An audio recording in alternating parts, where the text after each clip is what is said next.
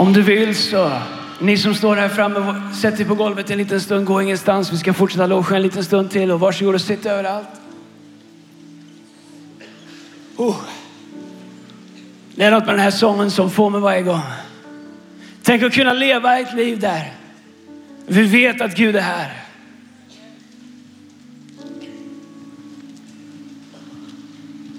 Kanske är du här ikväll som har känt Gud länge. Från första sången så kände du att Gud var här och gled rakt in i lovsången. Kanske är du här som aldrig, du aldrig varit i en kyrka innan. Du är fortfarande inte säker på om du är i en kyrka. Någon tog med dig och sa att det skulle vara konsert. Så fick du det här. Så känner du någonting i rummet här inne och du är inte säker på vad det är. Och Gud är här. Kanske är du här ikväll då. Du känner att Gud är här. Om du känner att det var länge sedan du var där Gud är. Och du är till och med kanske osäker på om Gud vill att du ska vara där han är. Så många av oss, vi kommer inför Gud och vi tror att det är våra sista veckors performance, våra sista veckors, det vi har lyckats prestera som definierar hur mycket och hur glada vi får vara av att vara nära Gud. Så många människor lever med så böjda huvuden när Jesus lät sitt eget huvud falla på korset för att vi aldrig skulle behöva leva med böjda huvuden. Den synd som vi tror håller oss nere var den synd som Jesus blev gjord till för att ingen av oss någonsin skulle behöva leva under fördömelsen av det faktum att vi lever i en trasig värld. Och när vi sjunger i know that you are here now så är du inte säker på vad du ska göra med det faktum att om det är sant att Gud är här så vet du inte vad han tycker om att du är här. Det står i Johannes evangelium massa bra saker, men det ska vi inte läsa. Vi ska läsa från Lukas evangelium.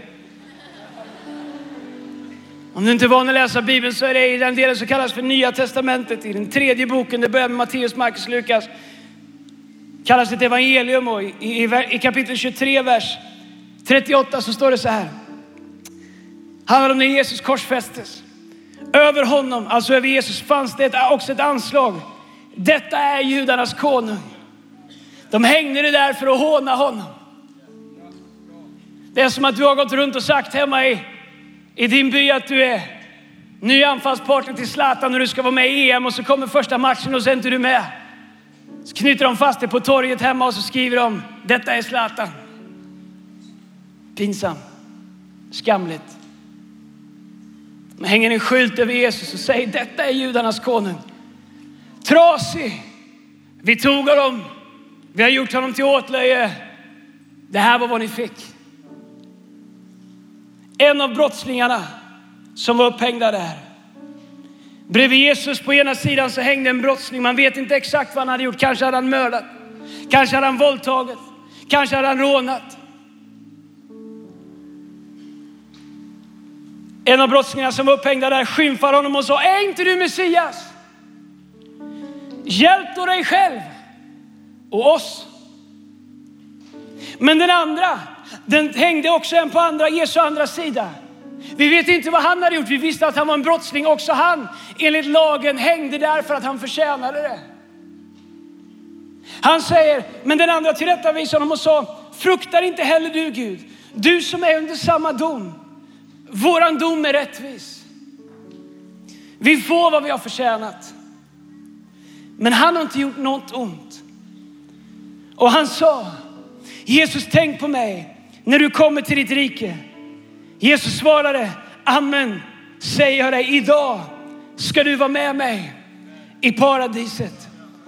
Två rövare, två brottslingar, två gangstrar hänger bredvid Jesus, en på varje sida. Ingen var närmare Jesus i det mest definierande ögonblicket någonsin. Du kanske säger, jag tror inte på Jesus. Well, du räknar almanackan efter honom. Du firar jul efter honom. Nu har vi någon högtid som inte har så mycket med honom att göra, men vi firar den ändå. Du, lev, du har påskledighet efter honom. Hela världen snurrar runt honom. Forskare säger att han har funnits. Alla bevis finns där. Men du säger han var en trevlig person, han var en god man, han var inte Guds son. Well, det är exakt vad den ena rövaren som har första parkett till världshistoriens största skådespel säger. Han hänger där. Så som vi ofta kommer inför Gud. När vi säger Gud, om du finns, varför fixar du inte mitt äktenskap? Gud, om du nu är Gud, varför får jag inte det där jobbet? Gud, om du är Gud, varför bär jag fortfarande på den här sjukdomen? Gud, om jag är Gud, varför föddes jag i den här familjen? Gud, om jag är Gud, varför brottas jag med det här som jag har gått till dig så många gånger med? Gud, om du är Gud, varför fixar du inte det här? Eftersom vi definierar Gud utifrån vad Gud gör, eftersom vi tror att Gud bejakar oss utifrån vad vi presterar. På andra sidan hänger en annan man. Han är lika skyldig som den andra rövaren. Men han inser att han hänger där på grund av att han har levt ett liv som har tagit honom dit. Och han vänder sig till Jesus. Först vänder han sig till rövaren och säger, du och jag vi hänger här på grund av vad vi har gjort. Men han som hänger här, han har inget gjort. Så vänder han sig till Jesus. Så säger han Jesus, tänk på mig. Han säger inte Jesus kan du rädda mig. Han säger inte Jesus kan du förlåta mig. Han inser att det är kört för dem. Han inser att han har inte rätt till någonting. Han ber inte om räddning, han ber inte om förlåtelse, han ber inte om himlen, han ber inte om paradiset, han ber inte om nåd, han ber inte om att få komma ner från korset. Han inser, jag är det jag är på grund av det liv som jag har valt, det liv som jag har levt. Kanske föddes han in i en brottslig familj där hans far var brotts, brottsling. Kanske har han egentligen inte haft något val, men han hänger här och han inser mitt liv är vad mitt liv är på grund av det liv som jag har levt. Så vänder han sig till Jesus. Kanske har han hört Jesus undervisa någon gång. Kanske har han någon gång hört Jesus på avstånd säga saker och ting som har etsat sig fast i hans inre. När han har hört Jesus tala om nåd, hört Jesus tala om förlåtelse. Kanske stod han på avstånd och såg Jesus gå hem till Sackeus som ingen ville ha med att göra. Kanske hade han varit där den där dagen när Jesus ställde sig framför en prostituerad och sa om ni är utan synd så kasta sten. Och kanske var han där och hörde alla stenar droppa till marken när det inte fanns någon utan sten. Kanske hade han tittat på avstånd. Vi vet inte, han finns inte med tidigare i Bibeln. Vi vet att han finns här och han hänger bredvid Guds son. Och han säger Jesus, det är kört för mig. Men när du kommer till himlen Jesus, kan du tänka på mig.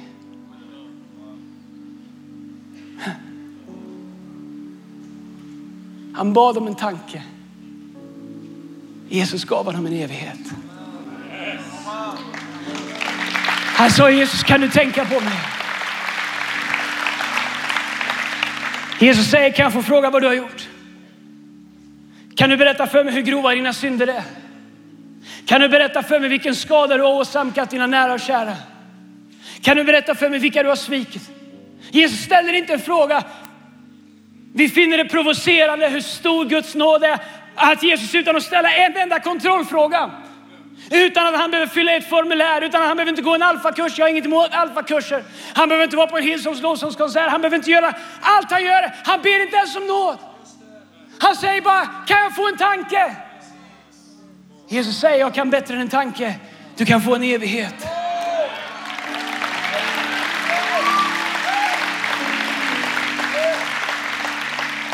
Jag undrar hur många som är så nära Jesus utan att inse hur nära honom du är.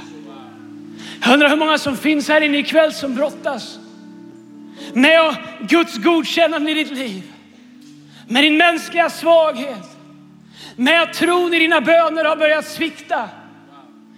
Kanske vågar du inte, Bibeln säger om våra hjärtan inte fördömer oss kan vi frimodigt komma inför Gud och be om vad som helst han ska ge det till oss. Men kanske känner du, det var länge sedan mitt hjärta var så frimodigt att jag kunde komma och be om vad som helst.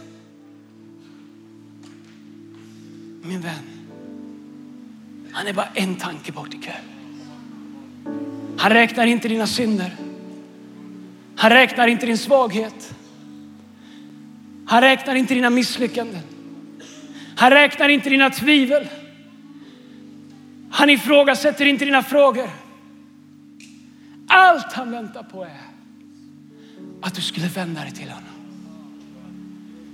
Bara till en plats kan vi komma exakt som vi är. I en värld där vi lägger filter på redan bra foton är Jesus en plats dit vi bara kan komma utan mask. Eftersom han älskar oss i vår värsta stund.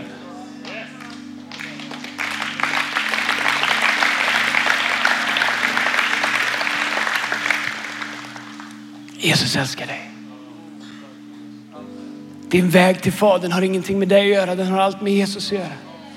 Första Johannes brev kapitel 4 säger Jesus, så som, så som jag är, så är ni. Så frågan du ska ställa dig själv är inte, är jag godkänd inför Gud? Om du har gjort Jesus det här i ditt hjärta, oavsett om du kämpar i ditt liv, så frågan du ska ställa dig är inte Gud är du nöjd med mig? Gud är jag godkänd? Frågan du ska ställa dig är Gud, är Jesus godkänd? Därför att Bibeln säger så som Jesus är, så är vi. Frågan är inte om du är okej, okay. frågan du ska ställa dig är Gud, är Jesus okej? Okay?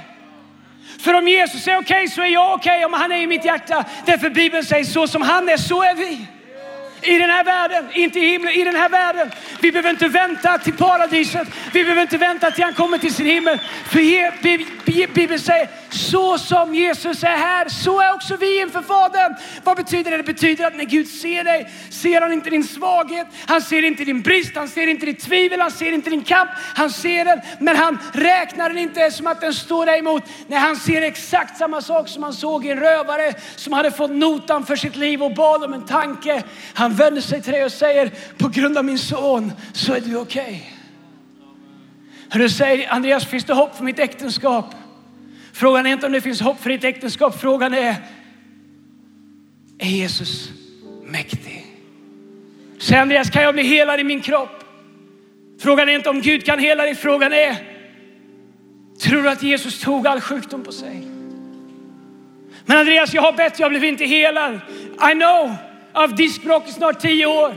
Jag har bett för hundratals människor som blivit helade. Men det förändrar inte det faktum att i samma ögonblick som jag i min kamp och i min bräcklighet och min otillräcklighet vänder mig och ser in i de mest kärleksfulla ögonen och ber om ännu en tanke. Så möts jag av ett ansikte som strålar av hans härlighet och säger redan idag Andreas, redan nu, du kanske inte är helad men ändå redan nu är du med mig. Redan nu är du okej, okay. redan nu är du helad. Men jag är inte helad, men redan nu är du helad därför att du är med mig och i mig. Här ikväll min vän. Åh, vad jag önskar att du kunde bejaka det faktum att Jesus älskar dig. Som är här idag och lever kanske ett liv som ingen känner till. Åh, vad jag önskar att jag kunde få dig att tro att Jesus älskar dig. Att det inte är våran godhet som leder till omvändelse, utan att det är hans godhet. Att medan vi ännu var syndare så offrade Jesus sig. Innan vi hade bestämt vad vi skulle göra med Jesus så hade han bestämt vad han skulle göra med oss. Han sa, jag väntar inte på vad ni säger. Jag vill säga vad jag har att säga. Jag älskar er. Jag ger mitt liv för er. Jesus har redan vänt sig till dig och medan du till och med kanske har vänt dig bort från honom så har han fortsatt att stanna vänd mot dig. Och ikväll min vän så är du inte mer än en tanke bort.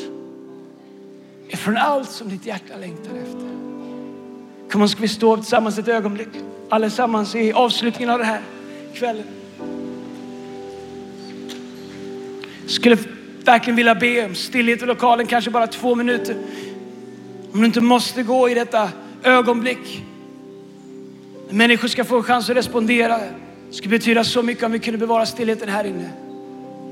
Jag skulle vilja be alla huvuden att böjas, alla ögon och slutas just nu, hela det här rummet. Jag vill be för dig, du som är här idag. Jag vill be för två grupper av människor. Jag vill be för dig du som är idag som aldrig har fattat ett beslut. Om att öppna ditt hjärta, vända dig till Jesus och säg Jesus som du finns, kom in i mitt liv. Kanske har du hört om honom, kanske har du sett sångerna, kanske har du sjungit sångerna, kanske har du hört predikningarna, kanske har du bett bönerna. Men du har aldrig någonsin sagt Jesus om du är den de säger att du är, kom in i mitt liv. Jesus skulle aldrig någonsin kräva att du skulle följa hans lära, följa hans väg om du inte kände honom. Jag kan inte svara på alla dina frågor, men Jesus kan svara på dina frågor. Och du kan ta med alla dina frågor, ta med alla dina tvivel, ta med alla dina omständigheter, allt du bär på och komma till Jesus. Säg Jesus om du är den de säger att du är, kom in i mitt liv jag vill få en egen relation med dig. Och där och då som du är så möter han dig här ikväll och han säger redan idag är jag med dig. Och du kan börja en egen vandring tillsammans med Jesus Kristus. Bibeln säger att ditt hjärta har en dörr.